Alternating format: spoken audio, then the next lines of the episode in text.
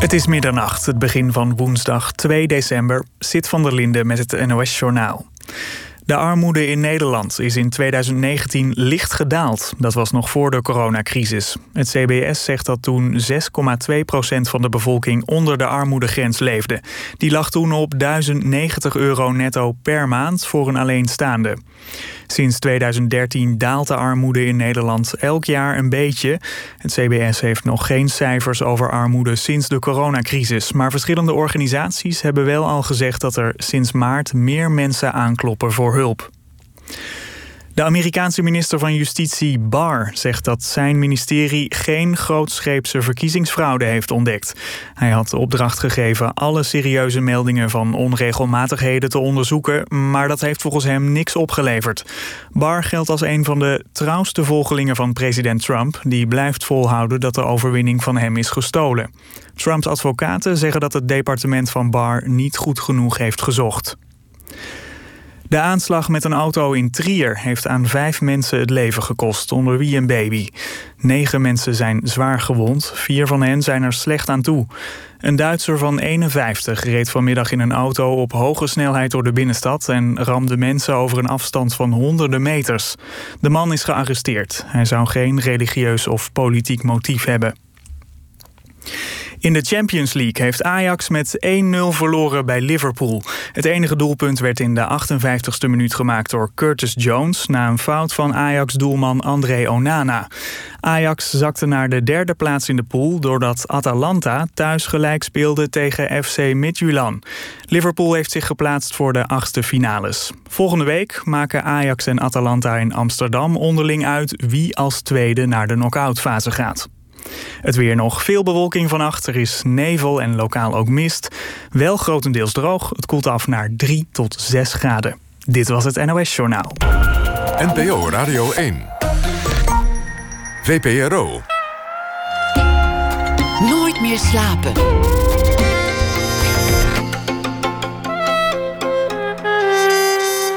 Met Tjitske Musche. Goedenacht en welkom bij Nooit meer slapen. Mijn gast vanavond is Geerten Meising. De schrijver die schrijven een weerzingwekkende bezigheid vindt. Zo lezen we in zijn laatste boek. Toch weerhield dat hem er niet van om ruim 50 boeken te publiceren de afgelopen decennia. Essays, korte verhalen, romans en vertalingen van onder meer Flaubert en Proust. En hij won er verschillende prijzen mee. Afgelopen zomer werd Geerten Meijsen 70 jaar en ter gelegenheid daarvan kwam er een nieuwe uitgave van zijn roman De Grachtengordel uit. En sinds vandaag ligt er alweer een nieuw boek in de winkel. Zeven kerstvertellingen heet het. Met zeven prachtige, korte verhalen. Welkom, Geert en Meising. Ja, dag. We zijn er vroeg bij. December is pas net begonnen. Kerst ligt nog uh, ergens in de toekomst. Aan de andere kant is de adventstijd nu toch wel echt begonnen. De kalenders kunnen uit de kast. Dit jaar ik herinner me nog dat mijn eerste uitgever Theo Santrop begin december zei...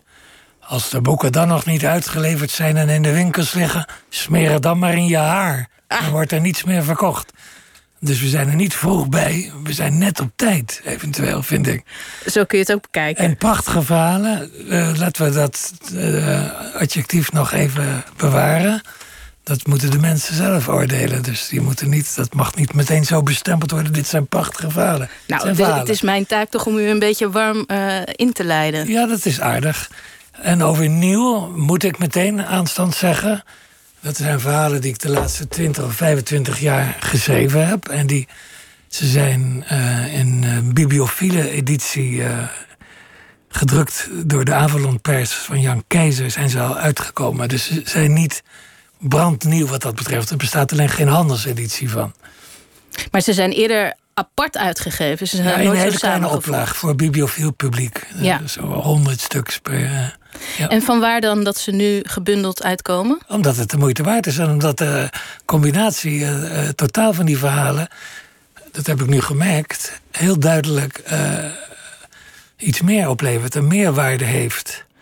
Je kunt uh, nu zien dat het, uh, dat was natuurlijk afwachten, of het uh, een geheel vormt, gaat vormen als je verhalen bij elkaar doet die over een langere periode geschreven hebt. En ja, dat blijkt zo te zijn, want het is een soort het zijn allemaal terugkerende motieven die steeds opnieuw. Het is een soort jong leren met motieven die terugkomen, iets anders bekeken worden, herhalingen enzovoort. Dat past wonderwel in elkaar. Tegelijkertijd zie je uh, door het, de tijdsverloop waarin die verhalen geschreven zijn, ruim twintig jaar, dat, uh, dat ze een, ja, een, een beeld geven van, van wisselende, opeenvolgende omstandigheden waarin ik mij verkeerde in die jaren heen. Dus er zit een bepaald soort lijn in. Hij wordt eigenlijk steeds somberder, de schrijver. Ik heb het niet over mezelf, ik heb het over de schrijver van die verhalen. Dat is ook de bedoeling. Eigenlijk is de clue van het. Uh, ik moet eigenlijk uw vragen afwachten. Maar de clue van het kerstverhaal is dat het een heel somber iets is. En eh, zo somber dat je, als je dat leest thuis bij de kachel onder de kerstboom, bij wijze van spreken, dat je je kunt vernikkelen, ver, verkneukelen van plezier om het intense verdriet en het intense leed van anderen. Dat hoort bij het kerstverhaal. Ik herinner mij, ik had Engelse vrienden toen ik nog in Lucca woonde. Uh, die in, in, Engeland altijd een verhaal van George Gissing uitzochten. Dat is een van mijn lievelingsschrijvers. Uit de 19e eeuw, is gestorven in, uh, in 1903. Um, uh, een heel somber verhaal, want die man kon erg somber schrijven, was ook erg somber. En, en dat ze ook in het voorwoord expres zeiden wat ik nu uh, vertel, dat, ze, dat de reden dat ze dat met kerstmis uitbrachten was dat, je, dat het zo somber was dat je alleen maar vrolijk van kon worden. dat is het idee van het kerstverhaal in het algemeen. Ja, want het is eigenlijk een genre op zich, hè? wat, wat misschien wel groot is geworden door Charles Dickens, Christmas Juist, Carol. ja. Ik, ik, je zou kunnen zeggen, maar ik wil niet altijd theoretisch erover doen dat je twee polen hebt, hè, waar tussen het kerstverhaal zich zou moeten bewegen als, als apart genre inderdaad. Aan de ene kant natuurlijk het klassieke uh, Dickens verhaal. De Christmas Carol van Scrooge enzovoort. Uit de 19e eeuw weliswaar. Laat even het Nieuwe Testament, want het interesseert me niet voor wat het is. En aan de andere kant een, het naturalistische kerstverhaal. De beschrijving heel precies van hoe dat dan in dat stalletje... het gaat allemaal om het stalletje, eraan toe ging. Zoals, uh, en dat komt in, dat boek, in, dit boek, het huidige boek, regelmatig terug... Felix Timmermans gedaan heeft...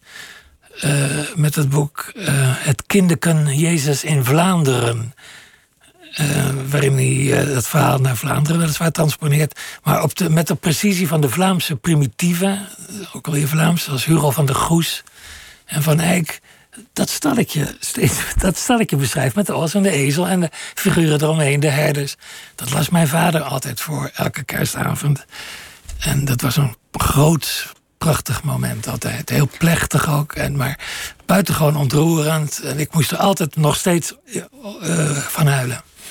Hoe, ging dat dan, kerstvieren bij jullie thuis? Ja, nou, ik denk dat iedereen, dat, dat een van de eigenschappen van kerstmis is dat iedereen daarnaar verlangt met het idee, wat was dat vroeger toch ooit ontzettend mooi en leuk. Bij ons thuis nog, in het ouderlijk gezin. Dat moet voor iedereen gelden. Voor mij geldt het in het bijzonder zo. En tegelijk heeft hij de gedachte, dat kan ik zelf niet, eh, niet repliceren. Ik kan dat niet nadoen. Voor mijn kinderen of mijn gezin of voor mijn... Nee, en tegendeel, de mensen zien er ontzettend tegenop. En de schrijver in, in, deze verhalen ziet er steeds meer tegenop. En die kan er helemaal niet meer tegen. Die wil dat het ophoudt. Omdat hij weet dat dat het mooiste van zijn jeugd... het, stalletje, wat als het ware een, een thuis in het thuis is... wat je als kind, waar je als kind in opgroeit, in de gelukkige zin... dan moet ik erbij zeggen, dat krijg je niet meer terug. Dat blijft daar en je kunt het wel nadoen, hè? eventueel met dezelfde beeldenkunst en hetzelfde. Ik zou het wel kunnen voorlezen, heb ik wel geprobeerd. Ik kom er niet uit trouwens, maar uit het voorlezen, omdat de tranen me in de keel schieten. Maar die tranen, die tranen van nu, die begrijp ik. Daar zit een soort nostalgie nee, had in. Ik toen een, al. Ja, had u toen al, als ja, kind? Ja, dat begrijp ik niet, maar ik vond de stem van mijn vader zo mooi. Mijn moeder las elke, elke avond voor, lang, een uur lang tot mijn 25ste heb ik dat meegemaakt. Er zat de hele familie erbij, ook mijn vader luisterde naar. En mijn moeder sprak met een soort Prins Bernhard accent, want die was in Duitsland opgegroeid tot haar 14e. Die was pas in 33 naar Nederland gekomen. Een krakende stem. En die las dan, die vertaalde, uh, ja, à vue, eh, uit de grote sprookjesboeken van uh, Grimm, Andersen en vooral Hauf. Dat vond ik de mooiste. Dat is een romantische Duitse schrijver die op zijn 26e al gestorven is, maar die prachtig geschreven heeft. De Karavaan en dat is Wirtshaus im Spessart. Die, die boek had mijn moeder meegenomen uit Duitsland. Althans, dat dachten wij dat ze die had meegenomen. Misschien heeft ze die later wel gekocht. Met prachtige tekeningen van Roodkozen Michaels erin. Aquarellen waren dat heel mooi. IJselijk, heel eng. Sprookjes horen heel eng te zijn. Sprookjes hebben hetzelfde wat het kerstverhaal heeft. Dat, je, dat het griezelen is en dat je daarvan je zo, uh, je zo fijn gaat voelen. Maar mijn vader las alleen op kerstavond voor. Dus dat was heel anders. En dat was, die had een hele plechtige stem. Die sprak heel mooi Nederlands. Die probeerde het Vlaams een beetje na te doen. Dat kon niet goed. Ja, dat vond ik erg mooi. En ja, die kerstverhalen zijn ook ingegeven door het, dat eeuwige terugverlangen wat iedereen heeft naar de gelukkige momenten van je jeugd. Waarin, en hè, dat is het, het moment van kerstmis. Kerstmis was de mooiste dag van het jaar. En, en dat kan je niet meer terug. En uh, in de loop van die verhalen wordt ook duidelijk dat de opgave om er weer om er iets van te maken voor je dochter bijvoorbeeld, dat, dat gaat niet. Hè? Uh, juist omdat we zulke hoge verwachtingen hebben van dat kerstfeest, omdat het de mooiste dag van het jaar is, kunnen we alleen maar teleurgesteld raken. En dat gebeurt ook altijd natuurlijk. Hè? Totdat je echt, dat je echt niet meer wil. Maar heeft u die nog steeds, die hoge verwachtingen van kerst? Ja, die, die blijven ergens zitten, maar je weet dat je het niet kunt waarmaken. Er is een, een, uh, een studie van een van de eerste grote Franse antropologen. Gauss heet die. En de, de, die studie heet Le Don, het geschenk. En dat beschrijft hij over volken in de primitieve, in de steentijd. De primitieve, hoe die elkaar geschenken geven. En dat begint met een klein geschenk. En in Zuid-Europa, beneden de pasta-grens, is dat nog steeds zo. In, in, in de, de pasta-grens? Boven de pasta-grens. Ja, je kunt ook de olijfgrens noemen. Ah. Daarboven gebruiken de mensen boter bij het koken. En daaronder olijfolie. Uh, Waar ligt die grens precies? pasta. Ja, die was steeds hoger. Hè? Nu al boven München, denk ik. Wel al de Alpen open. Zo half. Maar ja, de manier waarop Duitsers pasta maken, noedels, dat is toch iets heel anders. In dat, maar in die sociologische studie, in die, van de cultureel-antropologische studie, beschrijft dat hij dat mechanisme dat je als je een geschenk krijgt, dan schep je aanvaard, dan, dan sta je in het krijt bij iemand. Hè? Dat schept een verplichting. Dat kan je alleen uh, goed maken door een groter geschenk terug te geven. En dan moet degene die dan dat grotere geschenk terug heeft gekregen, weer een nog groter geschenk aan jou geven. En dat, gaat, dat is natuurlijk uh, een opklimmend iets tot het niet meer kan, omdat je gewoon geen geld hebt of omdat die geschenken niet meer te vinden zijn. En dan, dan deze Gauss beschreef dan hoe ze dan alles kapot maakten wat ze aan leuke, mooie voorwerpen die voor geschenk geschikt waren hadden. En dan begonnen ze weer opnieuw met iets heel kleins. Maar, ook dat kan ik niet nadoen in het echte leven. Dus we zitten alleen met dit, dit systeem, dit, dit mechanisme. Het werkt zo. En uh, uh, er is niks aan te doen. En uit, uit nood geboren, omdat ik geen cadeau meer kon geven. En het gaat dus niet om dure stekker cadeaus, hè, want dat is niet origineel, dat is te makkelijk. Het gaat om iets echt. Het moet uit je hart komen, een geschenk. Heb ik dan maar zo'n lullig verhaaltje aan mijn dochter gegeven. Zo oh, daar is het begonnen? Daar mee doen. Ja, nou ja, het is aan haar opgedragen en dat was het ook het idee. En als je het boek uh, goed leest, het is eigenlijk heel duidelijk hoor, dan gaat het eigenlijk over die dochter. Dan is die dochter het kerstkind. Het, het is ook een verhaal, het heet Kerstkinderen. Hij beschouwt zijn vriendinnen en zijn vrouw ook als kerstkinderen. Ja. Maar uh, uiteindelijk moet je concluderen dat het echte kerstkind is die, is die dochter. Maar het is dus daadwerkelijk begonnen met... u kon geen cadeau kopen voor uw dochter... en ik dacht, ik geef haar een verhaal. Ja, dat is niet, was niet, denk ik, de aanle directe aanleiding... om eerlijk te zijn voor het eerste verhaal. Maar eh, zeker voor het tweede of het derde... dat ik echt zo dacht van, ik kan nu echt niks... ik heb niks, maar dan moet ze maar genoegen nemen met een verhaal. En dat is natuurlijk onzin, want niemand die kijkt het ooit in. Ik weet nog dat ik aan al mijn familieleden voor zo'n verhaal uitdeelde... en die, die, laten, die leggen ze weg. En zo, nou, is dat echt zo? Ik zou zeggen, daar kan geen cadeau tegenop. Nee, maar dat, nee, dat, dat is niet zo natuurlijk. Je, je wilt niet weten hoe. Uh, ja, nou ja, ik kan makkelijk zeggen, want iedereen is bijna dood. Maar hoe onverschillig de andere familieleden, of hoe wantrouwend ze ook staan tegenover jouw producten als je schrijft. Dus dat, dat vinden ze dan niet zo interessant. Uw dochter ook niet, voor wie je verhalen zijn jawel, die bewondert dat wel, die vindt dat wel leuk. Maar kijk, wat heb je nou aan een verhaal?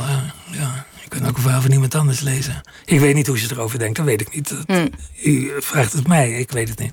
Maar u heeft het toch een hele tijd volgehouden. De- er staan zeven verhalen in. Ehm, ja, Ja, nou ja, dat, kijk, eh, schrijven dat is volhouden. Altijd. Dus eh, ja, dan moet je en dan probeer je het weer. Maar dan, je merkt dat hij steeds meer worstelt met de stof. En dat hij steeds meer tegenzin krijgt. Dat is een ander aspect, vind ik, wat voor... Als je die verhalen in successie leest, wat wel moet opvallen. Hij wil helemaal geen verhaal vertellen. Kijk, een kerstverhaal is echt een verhaal. Er moet eigenlijk een clue aan zitten. En het moet dus een beetje gelukkig eindigen misschien, of met een compromis. Is- Er is maar één verhaal wat aan die, aan die eh, Dickensiaanse voorwaarden voldoet. Dat is het verhaal De Kerstpijp. Dat is heel klassiek, een verhaal met een, een, goed- een mooi einde. ja. Bevredigend mooiste verhaal einde. vond ik dat ook. Maar, oh ja, dat vind ik echt het zwakste verhaal. Verder Ah, het nou. slechtste verhaal. Ik zal je ook vertellen wat ik het mooiste verhaal vind. Dat gaat over mijn vriend Kees van vroeger. Dat vind ik het mooiste verhaal. Dat is het vijfde verhaal. De Noord-Zuid-Limburgse amateurmodellen. Nou, Maar dat doet er niet toe, De luisteraar heeft het nog niet gelezen. dus laten we daar niet dat doet er ook niet toe wat ik mooi vind of wat anderen mooi vinden. Dat is dus het meest klassieke verhaal inderdaad wat erin staat. Ja.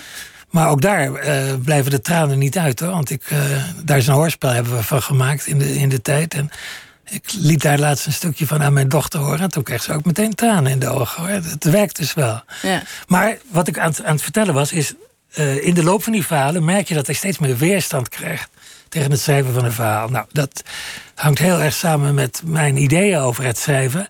Ik hou niet van verhalen. Ik vind de eis dat, dat je een mooi verhaal moet vertellen, dat vind ik, dat is niet, dat heeft, dat is niet het intrinsieke van het schrijven.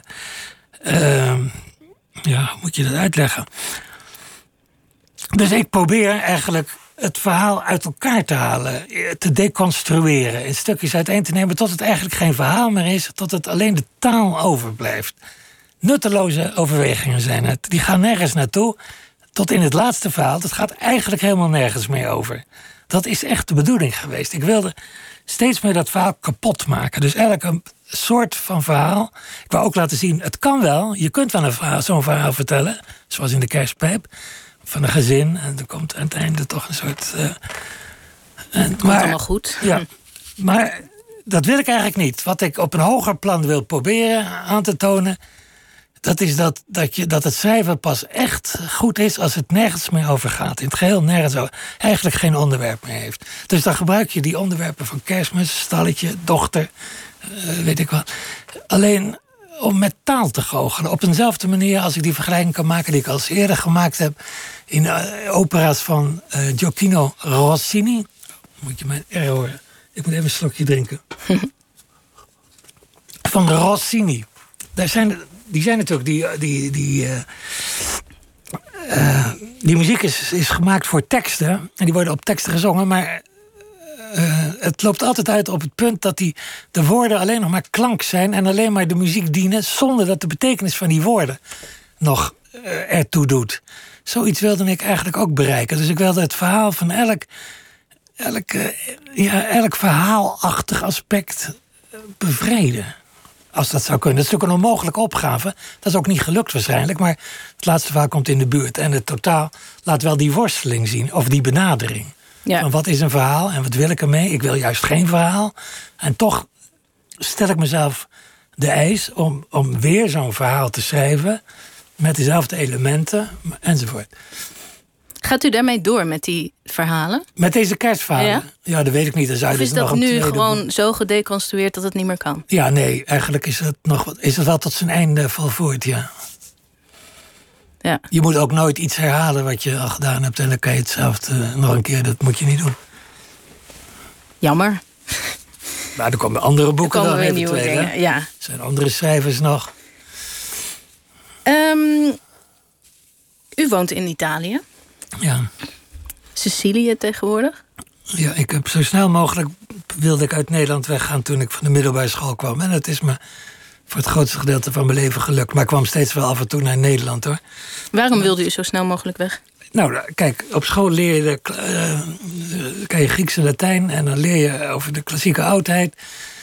En dan krijg je een enorm verlangen om daar ook te zijn. En natuurlijk waren. En dat is één punt, één kant van de zaak. En het andere is dat wij met vakantie, toen ik vijf was voor het eerst naar Italië gingen.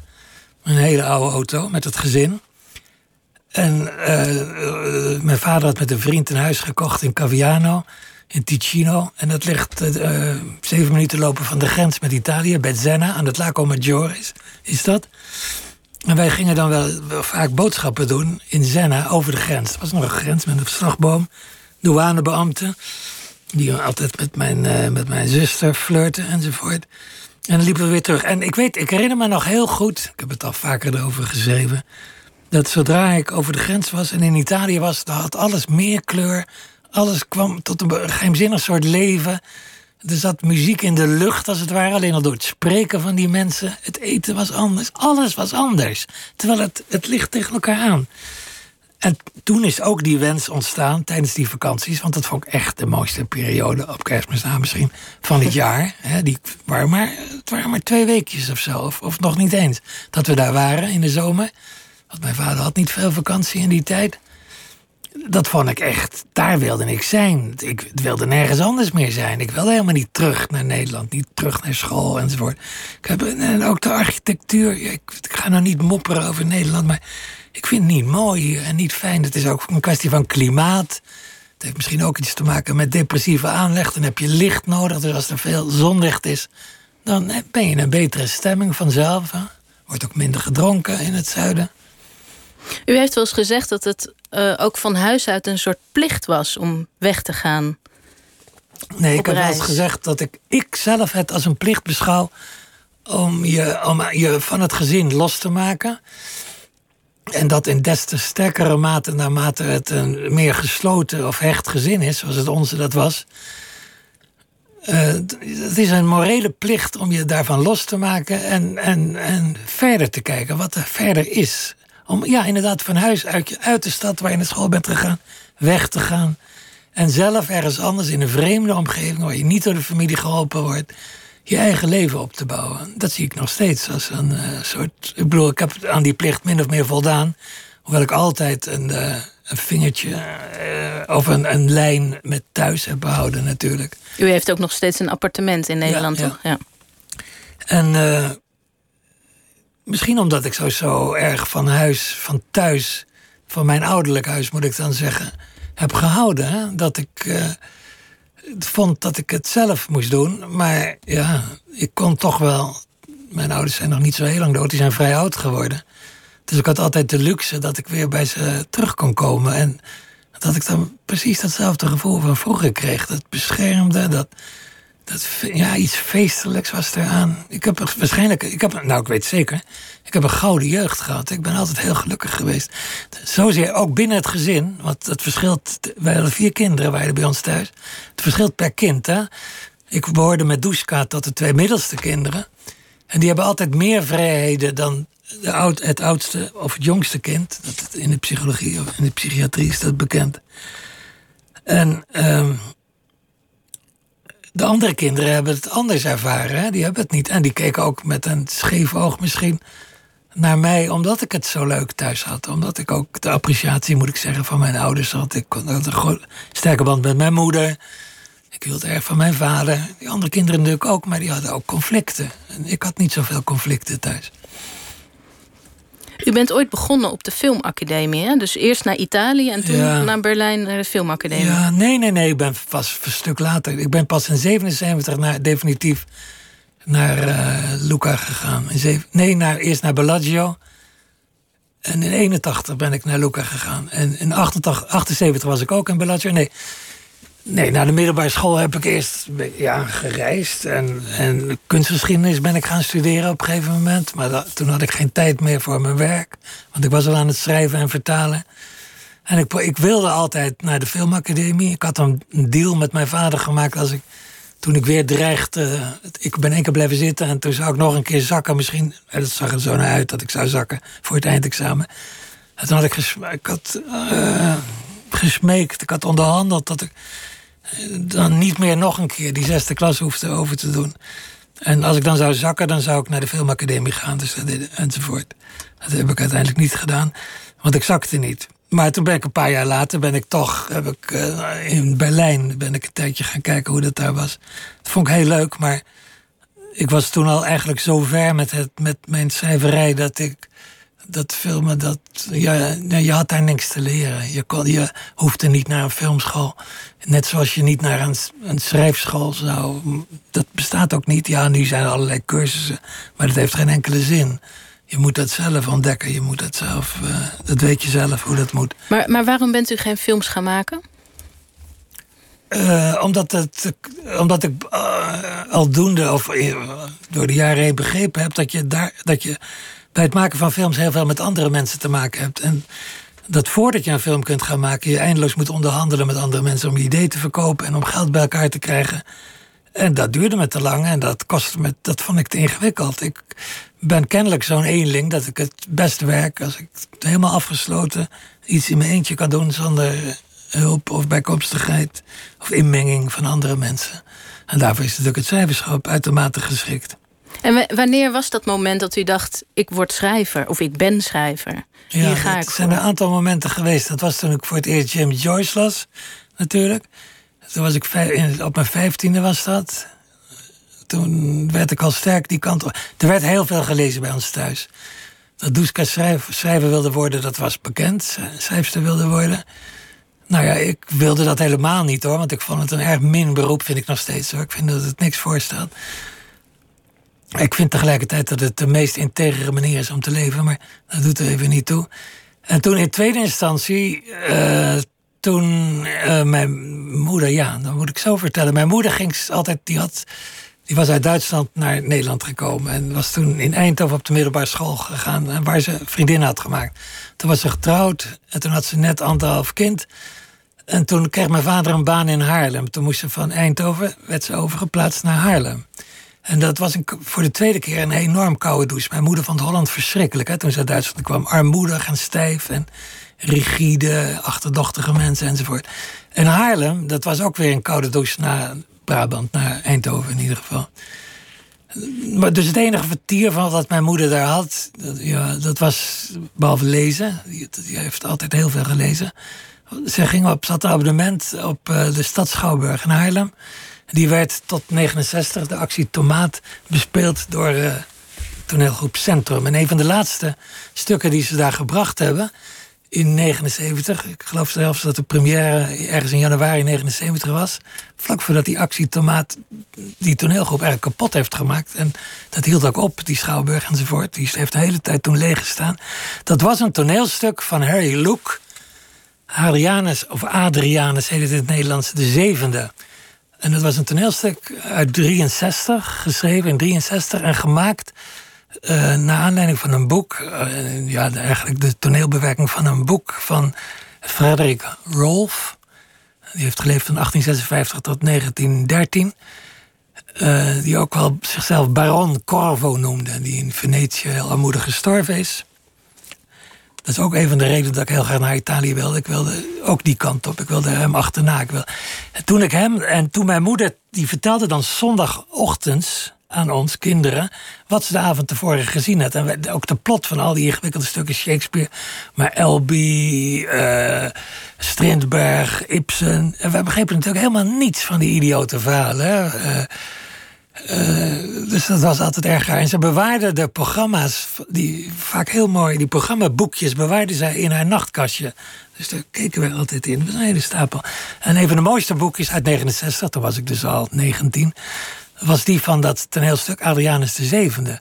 Met een hele intrigerende foto van die auteur erop. En toen ben ik me in zijn leven gaan verdiepen. Dat ging heel snel ik ben die roman gaan kopen, Arianus de Zeven. Die heb ik later vertaald. Die is ontzettend mooi door de Arbeiderspers uitgegeven. Dat was een van de eerste dingen die ik bij de Arbeiderspers ook uh, kon doen. En uh, het leven van die man. Uh, er was, werd in dezelfde tijd een, een hereditie, een penguin uitgegeven van een hele beroemde biografie door A.G.A. Simmons over deze Rolf.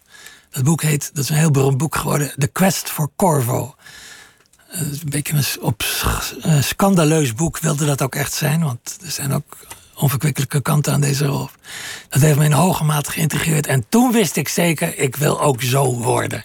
Ik wil alles op het schrijven zetten. En, en uh, ja, tegen de hele wereld vechten zoals deze Rolf dat gedaan heeft. Want die was totaal vereenzaamd. Die was ook paranoïde gewoon hoor. Die dacht dat iedereen juist hem moest hebben. Maar hij wilde, hij heeft doorgezet tot het einde. Maar, maar wat was daar zo aantrekkelijk aan? Ja, dat kan ik niet uitleggen. Dat is heel aantrekkelijk.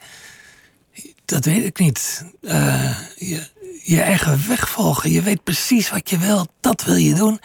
En het is vechten tegen de bierkaart, tegen iedereen. Iedereen raadt het je natuurlijk ook af en terecht. En toch doe je het en hou je vol. En, en wordt het schrijven een, een, een levensvervulling. Anders kan ik het niet zeggen. Veel meer dan ik me in welke andere boek, uh, welk uh, beroep of studie of zo ook zou kunnen voorstellen. Ik ben ontzettend nieuwsgierig. Ik zou ontzettend graag oude talen eh, studeren of afmaken. Ik heb wel eens een college gelopen hier en daar van Leeman over retorica. Het interesseerde me erg. Dus ik, ik eh, ben erg geïnteresseerd in de antieke filosofie. Maar ik ben blij dat ik mijn leven in, de eigen hand, in eigen hand heb. In, omdat ik schrijver ben. Dus ik kan ermee doen wat ik wil. Maar tegelijkertijd, u vertelt, uh, als ik, toen ik uh, 16 was, las ik Joyce. Of toen ik 15 was, ik las Joyce. Uh, ik, toen wist ik, ik wil schrijven. Terwijl ik tegelijkertijd wist dat, het een, dat ik het te min vond, het vak van schrijven. In sociale zin, hè? Het heeft geen aanzien, zou het brengen. Het is een sociale val. Die, die Rolf, dat was ook een in Engeland gaat het natuurlijk veel sterker dan in Nederland. God, ik praat te snel en dan raak ik buiten adem. Even diep ademen. Mijn twee, mijn twee lievelingsschrijvers, Rolf en Gissing, ik heb er veel meer, maar het, om er twee te noemen die voorbeeldig voor mij zijn geweest. Die hadden allebei, daarover is, allebei, is van allebei is gezegd door Pritchard They have fallen out of their class. Dat was meteen al duidelijk. Het werd door mijn familie ook een beetje gezien van... nou, is dat nou wel iets, hè? dat schrijvertjes, wat zijn dat nou voor mensen? Dat had geen sociaal aanzien. Terwijl uw zus, Duska Meising, schreef al? Ja, ja, ja, ja.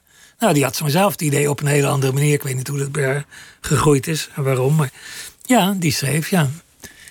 Maar daar werd ook zo tegen aangekeken als dat... Het... Ja, nou, sterker nog. Uh, mijn moeder maakte het onfortuinlijke onderscheid uh, door te zeggen dat, uh, Duska uh, belletrie schreef, of eigenlijk libelle-verhalen, voor het vermaak. En dat ik me dan met de echte, het echte materiaal bezig hield. Daar is Duska nooit meer bovenop gekomen natuurlijk. Hè. Die heeft vervolgens het hele leven tegen de moeder gestreden om dat recht te kunnen zetten wat ze volgens mij ook heel goed gedaan heeft met een prachtig boek, 100% chemie, over de geschiedenis van, mijn Duitse, van de Duitse familie van mijn moeder. Een onderwerp dat ze echt voor mij heeft weggekaapt, want ik zag daar ook wel brood in. En dat vond mijn moeder wel heel mooi hoor. Zelfs de titel van het boek is eigenlijk is van mijn moeder. Die heeft, dus ik vertelde dat ze daarmee bezig was. En die vroeg natuurlijk aan mijn moeder allerlei details. En en ik weet niet of mijn moeder het leuk vond dat ze dat deed, maar het resultaat vond ze heel erg geslaagd op één aspect na. En zij heeft zelfs, hoe, moet, hoe moest ik het noemen? Dat wist dus ik niet. Nou, uh, familie en alles uh, in het leven, dat is 100% chemie. Oh, nou, dan is dat de titel, zo is dat gegaan. Dus ik denk wel dat Duska toch de achting van mijn moeder heeft gekregen op het eind. En u? En Duska heeft, uh, anders dan ik, van mij... Wat vonden ze van uw werk? Dat was wisselen. We hadden, een enorme controverse daarin. We hebben een paar jaar geleden onze briefwisseling. Ik wist niet dat er zoveel echte brieven waren met haar. Gepubliceerd. En dan kun je dat wel lezen.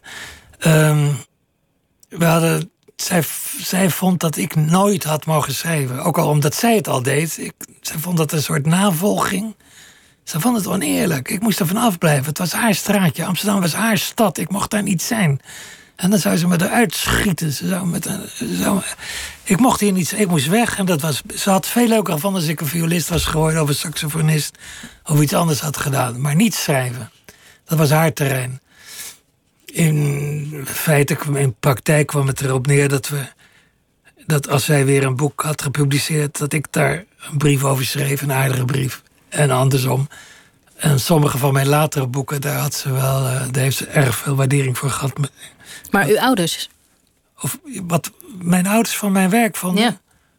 Ik weet niet in hoeverre ze het echt gelezen hebben. Maar ze deden het als ze het mooi vinden, geloof ik. Maar ze vonden het wel heel onverstandig. Dat ik dat als levensvervulling zag. En dat ik daarmee probeerde in mijn eh, levensonderhoud te voorzien. Wat eigenlijk onmogelijk is. Dus dat is ook gelijk in. En op een gegeven moment, mijn vader had een, eh, die was gemeentesecretaris. En zijn opvolger, die, was, eh, die, eh, die na hem gemeentesecretaris werd, die, eh, dat was eigenlijk een leerling van hem. Mijn vader gaf ook les op de bestuursschool. Ik weet niet precies wat het is. Maar in bestuurskunde. En die hadden een zoon en die was dol op mijn werk. En die, die was een stuk jonger dus dan ik. En die wou ook schrijver worden. Nou, die mensen kwamen toen bij ons thuis om te vergaderen. Want hoe ze dat konden tegenhouden. In godsnaam, niet ook die arme jongen het verkeerde pad op. Zo is het echt gegaan. En hij heeft ook, is ook wat anders gaan doen, geloof ik. Uw zus Duska Meijsing, die had er een, eh, die had nog een baan. Een, een, een Die was- die was zo- baan. Die ja. werkte bij Vrij Nederland als literair redacteur. Die heeft een heleboel banen gehad. Ja, en u Een heeft dat altijd, soort. u heeft dat altijd geweigerd. Hè? U, u heeft altijd helemaal volledig u aan het schrijven gewijd. Ja, dat klinkt natuurlijk mooier dan het is, maar ik, ik vind dat, dat dat ook de meest zuivere vorm is. En ik vind het wel heel verstandig dat Doeske altijd een baan had.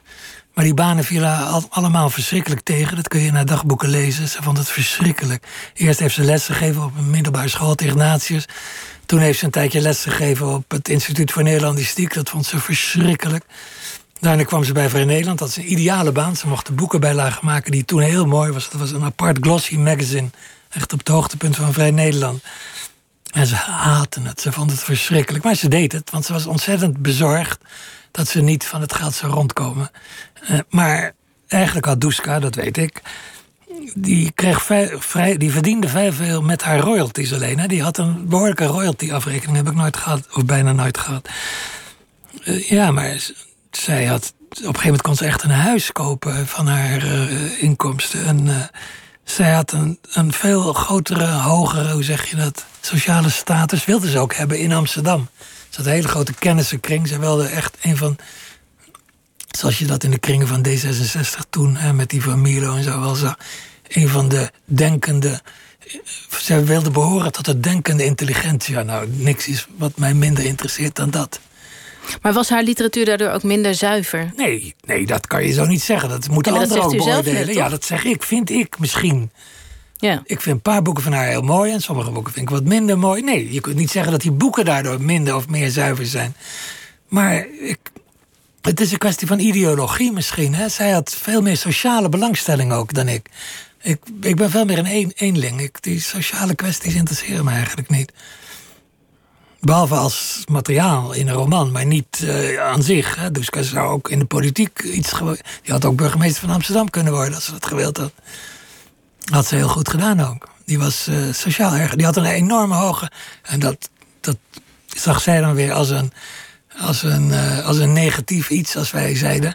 Je hebt, jij hebt een hele grote sociale intelligentie. Want dan dacht zij meteen: oh, andere intelligentie heb ik dus niet. Ja, dat, dat, dat bedoelden we eigenlijk ook. Maar dat is heel gemeen natuurlijk. Ja, dat is Zo werken die dingen. Maar enig, je weet hoe het gaat in een gezin. Het is pesten en tergen en kijken hoe je ver je kan gaan. Maar daar, daar word je groot van. Hè? Zo, daar leer je het van. Je moet klappen krijgen. En het Ja. is het, het handigst als je die van je eigen broertjes en zusjes krijgt eerst. Maar dat lijkt me wel ontzettend ingewikkeld als je allebei hetzelfde vak beoefent. En toch ook een soort concurrentiestrijd. Het was ingewikkeld, maar ja, nou ja, wat kan ik erover zeggen? Het, het was ontzettend ingewikkeld, ja. Dat Ja. lees je ook in die briefwisseling. Zij had het er heel moeilijk mee. Ik geloof dat ik het er minder moeilijk mee had. Maar het is ook een van de redenen natuurlijk dat ik ver weg ben gegaan. Hè. Dan zit ik jou niet in de weg, dan, althans niet. Ik zit niet op je huid enzovoort. Terwijl wij, van het, wij twee van het gezin degene waren die heel dicht bij elkaar stonden. Ja. Ik vind het ook heel erg dat ze er niet meer is. En ik, ik, ik verheugde me altijd echt als ik Duske zag. We hadden het ontzettend leuk altijd met elkaar. Maar we konden niet over literatuur praten, want dan hadden we gewoon een heel ander idee over. We vonden ook andere cijfers interessant. Gelukkig maar. En over het schrijverschap? Hadden Nee, jullie ik kon er daar absoluut niet over praten. Nee hoor, nee. Ik kwam met, ook met, bij Duske kwam ik aan met mijn liefdessores enzovoort. Duske was de enige die daarna kon luisteren. Maar we hadden het niet over het werk, nee. nee. Dat kon niet, dat ging niet.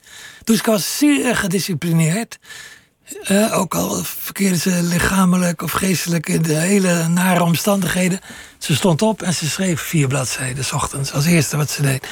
Ik kan dat helemaal niet. Ik heb veel meer moeite om die zelfdiscipline op te brengen. Schrijven is natuurlijk in de, in de eerste of in de laatste plaats een kwestie van zelfdiscipline. Je moet het zelf doen, je moet je ertoe zetten. Het hoeft niet. Niemand vraagt je erom. Tegenstelling. Ik eh, weet nog dat mijn uh, eerste uitgever, Theo Sontrop, die ik hoog in de bol heb, dat begrijp je wel. Dat die andere mensen zei: Ik wil jullie betalen als je geen boek bij me inlevert. Hm. Ja, dus uh, dat, ik zou graag betaald worden en dan geen boek hoeven te schrijven, maar zo gaat het niet.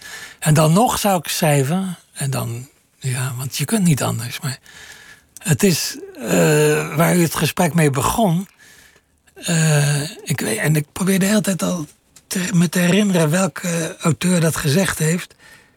Een hele bekende hoor, zoiets van Moziel of zo, maar, of, of ik weet het niet. Schrijven, dat is wat mensen doen die. Nou, ik kom er niet op, die niet kunnen schrijven of die daar heel veel moeite mee hebben. Schrijvers worden alleen mensen die heel veel moeite met schrijven hebben. Als je gemakkelijk kunt schrijven, dan word je geen schrijver om het om te draaien.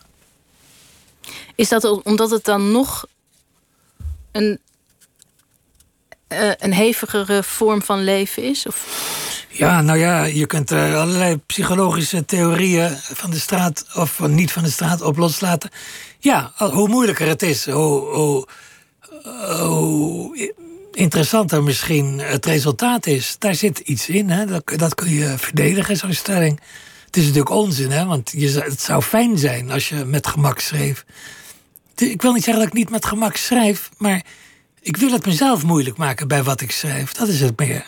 Ik wil het mezelf zo moeilijk maken dat het bijna niet, niet te doen is en het dan toch doen. En dan blijft er iets over, als een soort residu, wat misschien de moeite waard is. En hoe voelt dat dan als na zoveel lijden daar eindelijk nou, dat stuk staat? Niks, niks, meer, niks meer bij je hebt zeker voldoening dat een, een klus geklaard is. Pas na een, een, kwart eeuw, zoals in het geval van de heruitgave van de Grachtengordel... dan moest ik natuurlijk het boek een aantal keren heel goed doorlezen. Je moet kijken of er nog foutjes in zaten. Of, maar als ik ook maar één moment had getwijfeld of geaarzeld... of had gedacht, nou, het gaat wel, het kan er wel mee door... Hè, dat was niet goed genoeg geweest. Het gekke was dat bij de Grachtengordel en dat is een boek wat ik heel snel geschreven heb, met het grootste gemak, gek genoeg. Toch heel strak gecomponeerd blijkt. Toen ik dat na een, uh, eh, 25 jaar dus teruglas, dat ik het heel erg goed vond zelf. Ik heb zelden schrijvers gehoord die dat over hun eigen boeken zeggen, maar ik zeg het uh, volmondig. Alleen over dit boek of ook over andere boeken? Ja, kijk, nu maakt hij me verlegen, want dat willen de mensen helemaal niet horen. Want dat is ongepast. Eigenlijk ook over andere boeken, ja. Dat ging zo. Toen ik weer terugkwam bij de arbeiderspers... toen had ik als eis dat er toch tenminste een paar titels van de backlist... dat zijn de boeken die dus eerder gepubliceerd zijn... en die zijn voor een uitgever niks waard. Daar kun je niks mee doen. Nee. Dat die toch opnieuw zouden worden uitgebracht. Want ik had verboden dat er nog een boek van mij... er was, was ook niks meer. Nou... En toen gingen we die backlist bekijken. En toen, welke, wat zijn, zijn nou de titels die in aanmerking komen de toptitels hè, die eventueel in aanmerking komen voor heruitgaven. En daar zat de Gochtegordel absoluut niet bij voor mij. Nee. En wat is er uitgekomen als eerste? Het boek wat ik het minst interessant leek te vinden aanvankelijk, De Grachtengordel. Oh, dat was niet een keuze van uzelf. Dat vroeg ik me af. Want dat, eh, die, die herdruk of die nou, nieuwe uitgave kwam uit uw verjaardag. Dat is in overleg gegaan. Het was niet mijn, helemaal niet mijn eerste keuze. Ik was het boek eigenlijk liever een beetje vergeten... omdat er zoveel narigheid over ontstaan was. Ja, in het kort, het is een boek uh, wat zich afspeelt... in de literaire wereld in Amsterdam, de Grachtengordel. En er is destijds, uh, eh, 1992, veel reactie op gekomen. Mensen die zich erin herkenden. Um, Iedereen was er kwaad over. Iedereen was er woedend over. Wat ik helemaal niet begrijp... met terugwerkende kracht kan ik het nog veel minder begrijpen... dat de mensen met zo weinig afstand naar zichzelf... of naar hun wereldje... want het ging helemaal niet over die mensen zelf natuurlijk ja, figuren zijn altijd. Iedereen zegt hetzelfde elke schrijver over dit soort problemen. Het zijn altijd composietfiguren. En natuurlijk, iedereen kan ze erin herkennen. En in dit geval was, er, was dat ook wel terecht, want sommige mensen werden op een licht satirische wijze behandeld. Maar met hoeveel liefde zijn ze niet behandeld? Juist ook die mensen die zo boos geworden zijn, die worden met zoveel achting en liefde en, en diepzinnigheid, mag ik wel zeggen, neergezet. Ik probeer echt te doorgronden waarom die anderen dat doen. Er waren, zijn drie schrijvers die in het boek voorkomen. Drie andere schrijvers. Boudewijn van Houten, Kester Freriks en AFTA van de Heide. En die hebben een eigen, die spreken in de ik-vorm. En die hebben een, ik probeer een stijl te pasticheren, na te doen. En uh, ook een, uh, een, materiaal, een gedachtegoed. Hè? Probeer ik me in te leven. Dus ik probeer nog meer op zijn Boudewijns of op zijn Van de Heidens te schrijven dan ze zelf deden. Ik vind dat dat redelijk gelukt is. En daar waren ze dus woedend over. Waarom zei dat? Ik vind dat raar. Het was een soort spel ook voor mij om dat te doen. Maar was dan de, de, de nieuwe uitgave, was dat ook een soort revanche of zo? Nu zijn alle uh, namen en rugnummers erin gepubliceerd. In die, in die zin was al meteen bekend. Dus dat, dat was, is bijvoorbeeld iets wat de uitgever graag wilde. Had er voor mij beter uitgekund, die, dat lijstje. Met wie, hoe is hoe is er aan toegevoegd. Dat was al voordat het boek gepubliceerd was, stond het al in de Haagse Post. In, in zoverre alleen een revanche dat ik hoopte. Ik heb er een nawoord bij mogen schrijven, dat is heel lang uitgevallen hoopte dat de mensen nu eens naar de, kwaliteiten van het boek als roman zouden kijken. En niet alleen naar hun kleine ego's. ik geloof dat me dat aan de nieuwe receptie te oordelen enigszins gelukt is. Men moet toch wel toegeven dat het een heel groot boek is. En nu kan men het, misschien loszien van die literaire ja, roddels van destijds. Als je dat daar los van ziet, dan kun je dat zien natuurlijk, ja. Ja. Het is een, ook een soort genre, hè? De, de, de sleutelroman. Ja, dat nou, de sleutelromans, maar ook de, de, de romans of de boeken over de schrijverswereld. Ja. De afgelopen jaren hebben we natuurlijk Arie Storm en Uskan... Uh, Zeker, die heeft dat. Al... Ja, maar ik heb natuurlijk grote voorbeelden uit de 19e eeuw vooral. Ja. Er zijn er heel veel hoor. Uit een 20e eeuw zou je Paul Theroux kunnen noemen. My Other Life en My Secret Life. En er zijn zo... Uh, Martin Amis, met het grote boek over geld...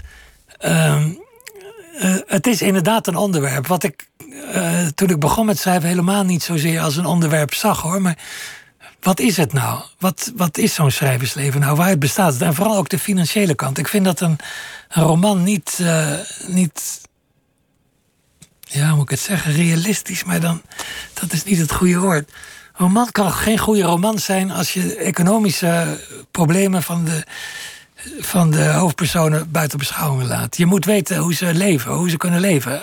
Eh, althans, dat, dat heb ik zo leren vinden dat het zo is. En uh, door de jaren heen heb ik gemerkt dat, uh, dat schrijvers eigenlijk vaak op hun best zijn als ze over het, schrijver, het schrijversleven vertellen. Als, het, als dat hun onderwerp is. Hoe zou dat komen? Nou, ten eerste plaats omdat ze het natuurlijk het beste kennen. Ze kennen het de ins en outs ervan. Dus ze kennen het, het is hun eigen materiaal, hun meest eigenste, eigenste materiaal. Maar terwijl men daar vroeger over het algemeen toch nog voor terugschrok, er was zelfs zo'n soort geheime, nou, code is het niet, maar je moet niet, de mensen houden er niet van als schrijvers over hun eigen stijl schrijven. Dat, dat willen ze niet, zijn ze niet in geïnteresseerd. Toch is dat onzin. Denk maar eens, al die mensen kijken films tegenwoordig, hè? naar Netflix en zo. Ik vind het een vies woord ondertussen, maar elke film is gebaseerd op een boek. Dus het gaat er, en heel vaak in die films is de hoofdfiguur van zo'n film een schrijver. Moet je eens opletten hoe vaak. Het, en dat is niet omdat het zulke interessante figuren zijn. Dat zijn het helemaal niet. Schrijvers zijn. Ik zal de laatste zijn om te zeggen dat ze interessant zijn. Ik wil ook niet met ze omgaan. Maar uh, zo zit het nou eenmaal in elkaar. Wat een schrijver schrijft het boek. Een schrijver waarvan dan een filmscenario wordt gemaakt. Die wereld kennen ze het meest. Vaak gaat het daar en komt het daar dus op uit? Of komt het daar... Ja, want andere kunstenaars, ik bedoel uh, theatermakers over theater maken... of beeldend kunstenaars over de beeldende kunstwereld... veel minder, toch? Dat ja, is... veel stuk minder. Het is wel zo natuurlijk, uh, het is een conventie in het theater... En, en, dat er een theater in het theater wordt opgevoerd. Bij Tsjechov al zie je dat. Dat zie je heel vaak. Hè? Dat is natuurlijk altijd leuk om mee te spelen. Ook uh, Peter Wijs, die dan uh, Marquise de Sade uh, toneelstukken in het gekkenhuis laat uh, opvoeren. Dat werkt heel goed, kennelijk. Dus dat gebeurt ook wel in theater hoor. Theater is dus anders, kennelijk. Ja, maar dat hoort misschien eh, bij de schrijverij. Dat schrijven over het eigen schrijverschap, dat dat eigenlijk heel interessante boeken kan opleveren. Als je het zo vertelt, dan denken de mensen: Get daar heb je er weer zo een. Dat moet ik niet. En dat moeten ze niet denken. want dan hebben we er niks aan. Dan zit daar ik nog maar voor eens niks te uit. praten. Maar, eh, want eh, ik hoop dat eh, je moet hem... Ja, ik weet niet. Ik, ik, ik begrijp het van mezelf. Omdat ik in zo'n leven zit. Waarom ik het interessant vind om te lezen hoe anderen dat doen.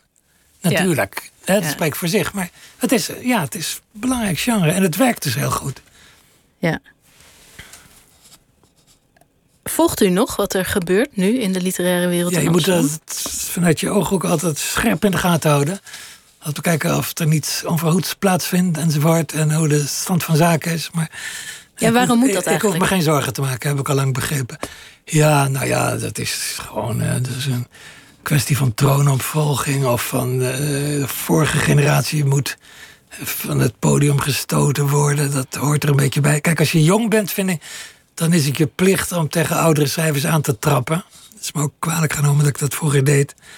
Bijvoorbeeld mijn polemiek tegen Mulis en zo. Maar als je oud bent en gevestigd bent, of, eh, dan, dan vind ik dat je je wel willend moet opstellen tegen jongelui.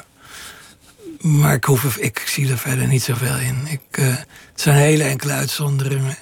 Een jongere schrijver die ik interessant vond destijds was Nanne Tepper. Daar ben ik ook bevriend mee geraakt. Een hele intense briefwisseling mee eh, gehad. Die wordt ook gepubliceerd in een handelseditie bij de uitgeverij. Dat gaat over zelfmoord en hoererij en zo. Een depressie, erg mooi. Thema's die ook in uw werk Ja. veel voorkomen. Ja. En om een vrouw te noemen, eh, want dat willen ze geloof ik graag tegenwoordig. Ik vind J. Ending, heb ik grote achting voor. Ik heb al haar boeken met zeer veel belangstelling gelezen. Met, nee, ik vond ze goed gewoon. Niet veel belangstelling, dat zou te negatief zijn. Dus er, is, er zijn genoeg dingen die de moeite waard zijn, maar er is te veel. Iedereen schrijft. En het laatste verhaal in deze kerstverhalen gaat daarover. Eh, je zou je er bijna voor schamen. Iedereen die je ziet, die is ook schrijver hoor. Niet alleen televisieomroeper of topsporter of winnaar van Louis de Mol. Nee, ze hebben ook een boek geschreven. Arjan Lubach heeft ook een boek geschreven, terwijl hij gewoon een cabaretier is. Dat begonnen met Wim van Koten. Een boek over een herdershond. Toen mag hij het, eh, het, het, het, het Boekenweekgeschenk praten. Dat is verkeerd, hè? Dat is niet goed. Ja, waarom is dat niet goed? Ze kunnen toch nog steeds eh, misschien goed kunnen schrijven? Of, eh, Ja, maar dat kunnen ze niet, dus kennelijk. Hè? En eh, sterke kanten liggen kennelijk in de kleine sketch bij Van Koten en de Bie. Bij anderen weer bij wat anders. Je kunt het niet een beetje doen. Dat is wat we de hele tijd ook al zeggen. Dat cijferschap is een serieuze zaak waar je Ja, aan ten onder gaat. zo, ja. Of bijna aan ten onder gaat. Het is niet zo heel vrolijk, want je ziet geen mensen. Je hebt geen sociaal leven eigenlijk. Het is moeilijk om aan je geld te komen. Ja, ja, dat staat hier letterlijk in. Ja. ja, dan kan je wel zeggen dat ik een masochist ben, maar dat ben ik eigenlijk niet, geloof ik. Ik ben eerder een hedonist. Want u houdt ook van mooie auto's en vrouwen. En mooie schoenen. En, en ja, maar je houdt van vrouwen. Wie houdt... Iedereen wil, heeft liefde in zich. Dus dat vind ik iets wat van alle mensen is. Ja, ik hou van luxe, zeker. Die heb ik niet, of, of nauwelijks. Of ik geef het aan de verkeerde, mijn geld aan de verkeerde dingen uit. Als ik het heb, dan gaat het de deur uit. Maar Ja, hoe werkt dat dan? Want u, u heeft sinds tien jaar een, eh, een, een groep vrienden of een eh, sympathisanten die u sponsoren. Ja, er is een, eh, vorm. Nou, ik zag aan, aan de vreselijke armoedige oude dag aankomen. Die er ook wel gekomen is. En toen zag ik op tijd eh, dat daar iets aan gedaan moest worden. En toen kwamen er toevallig kwamen de mensen langs. En die, eh, toen kwam dat idee op. Laten we, waarom zouden we niet een genootschap vormen? Dan kunnen we je een beetje steunen misschien. Dan maken we wat bibliophile uitgaven. Dat krijgen de mensen terug in ruil voor de contributie. En dat helpt dan misschien jou, dat helpt jouw huur te betalen. Zo is het ook gegaan. En eh, dat hebben we uitgewerkt. En daar is later een stichting van gemaakt. En eh, ja, dat heeft me in ieder geval door de bottleneck die iedereen of in ons vak voelt. als je geen andere inkomsten hebt voordat je AOW krijgt. eh, dan heb je plotseling helemaal niks meer. Hè? En daar heeft mij doorheen geholpen. Nu bleek dat ik ook geen AOW meer kreeg, of nauwelijks, omdat ik altijd in het buitenland had gewoond. Dus dat werd er niet veel beter op. Maar, maar in ieder geval hebben ze mij geholpen. Maar dat is, dat, ja, dat is, zijn, een, zijn hele enthousiaste mensen. Ze waren voor het laatst waren er een aantal bijeen bij de presentatie in coronatijd met twintig mensen, maar er waren er iets meer. Van de, de heruitgave van de grachtengordel. En die waren natuurlijk allemaal oud geworden. Zijn die mensen die genootschapsleden, die zijn ook de jongste natuurlijk niet. Nee. Daar schrok ik wel een beetje van. Er was ook één vrouw, dat was mijn uit, nieuwe uitgever. De rest waren allemaal mannen. Dat vond ik ook, want ik dacht vroeger, je schrijft, zoals Rudy, Rudy Kousenbroek ooit zei, in de verwachting dat je de harten van jonge meisjes sneller laat tikken. Maar dat kan je vergeten hoor, dat is niet zo. Dat was vroeger. niet. Nee, nooit. Het is nooit zo geweest. Dat dacht hij. Ja, dat was, hij was ook zo'n zo'n eh, wijventoeker, zou ik maar zeggen. Zo noemde mijn vader dat. Die kousbroek. God, weet ik wat een... Nou, dat doet er niet toe. eh, maar dat is dus niet zo. Je, je verdient er geen eh, erotische aandacht mee. Of liefde. Althans, ik heb er niks van gemerkt. Hoe komen we hier nou op? Wat was de vraag? Ik weet het niet meer. Nou, de dat, dat, de, enerzijds de liefde voor de mooie dingen. Oh ja, nou ja, Anderzijds het tuurlijk. chronisch tuurlijk. geldgebrek. Kijk, maar waarom schrijf je natuurlijk? Omdat je iets moois wil maken. Dat wil elke kunstenaar. Je wil een mooi product maken. Je bent in eerste plaats verliefd op de schoonheid zelf, zou ik zeggen. Op iets wat mooi is. En dat, dat doe je, dat probeer je zelf te maken. Dat kan met een boek. En ja, De hoofdpersoon in Zeven Kerstvertellingen, Provenier, een alter ego van u. Het eerste verhaal gaat over een man, deze Provenier dus, die eh, ernaar streeft om zijn laatste centje uitgegeven te hebben op zijn sterfbed. En tegelijkertijd is hij als de dood dat hij toch nog voor die tijd een bedelaar wordt. ja, dat komt in alle verhalen terug eigenlijk hoor. Dat Ja. bedelaarsaspect, dat hij bang is om, om te gaan zwerven. Dat hij zijn huis uitgezet wordt. Dat hij En tegelijkertijd een verlangen ernaar heeft. Ja, hij heeft ook een soort, dat heette in de 19e eeuw met een chic woord, nostalgie de la boue. In het Engels heette dat slumming. Hè? Dus als je van welstand was, dan ging je graag in de arme arbeiderswijken om te kijken hoe de mensen daar dronken op straat lagen enzovoort. Hoe, hoe vreselijk het leven was. Ja, de- dat, dat is dus een bestaand iets, psychologisch. Dat je daar een hang naar hebt. Net zoals je doodstrift kunt hebben. Wat eigenlijk een andere vorm is van levensdrift. Nou, dat is in dit geval ook zo. Dus je wilt eigenlijk luxe, maar je, je bent zo bevreesd voor de armoede. En je wil eigenlijk op voorhand al die armoede goed leren kennen. Nou ja, op voorhoede. Ik heb het eh, mijn hele leven koud gehad. Met name in Italië dus. Hè. Ik heb het altijd koud gehad in Italië. Omdat de huizen daar niet goed verwarmd kunnen worden. Zeker op Sicilië niet. Dus het idee dat mensen hebben dat je daar heerlijk op een terras... Italianen gaan nooit op een terras zitten. Dat zijn buitenlanders die dat doen, toeristen. Ja. Nee, dat is dus anders dan je zou denken.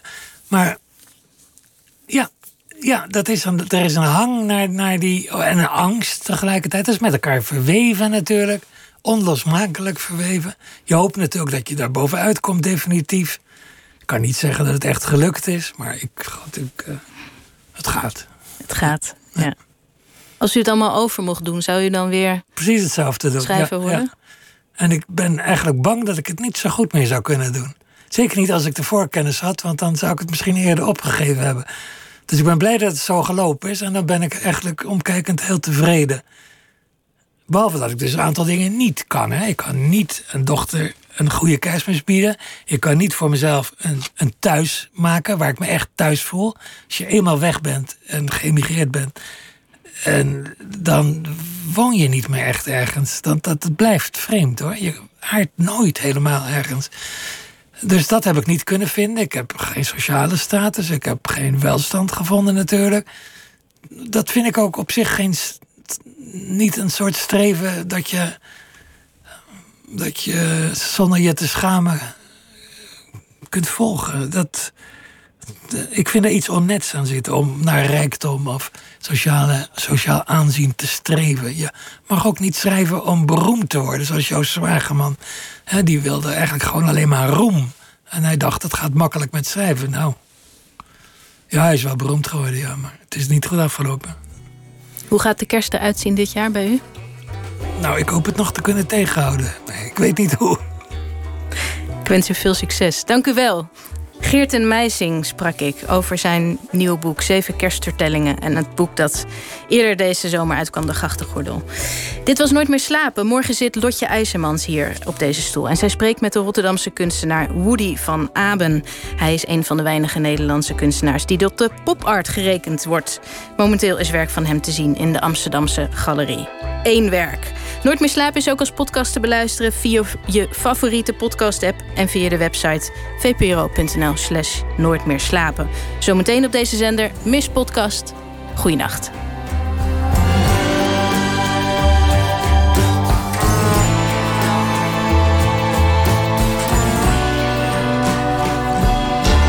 Op Radio 1, het nieuws van alle kanten.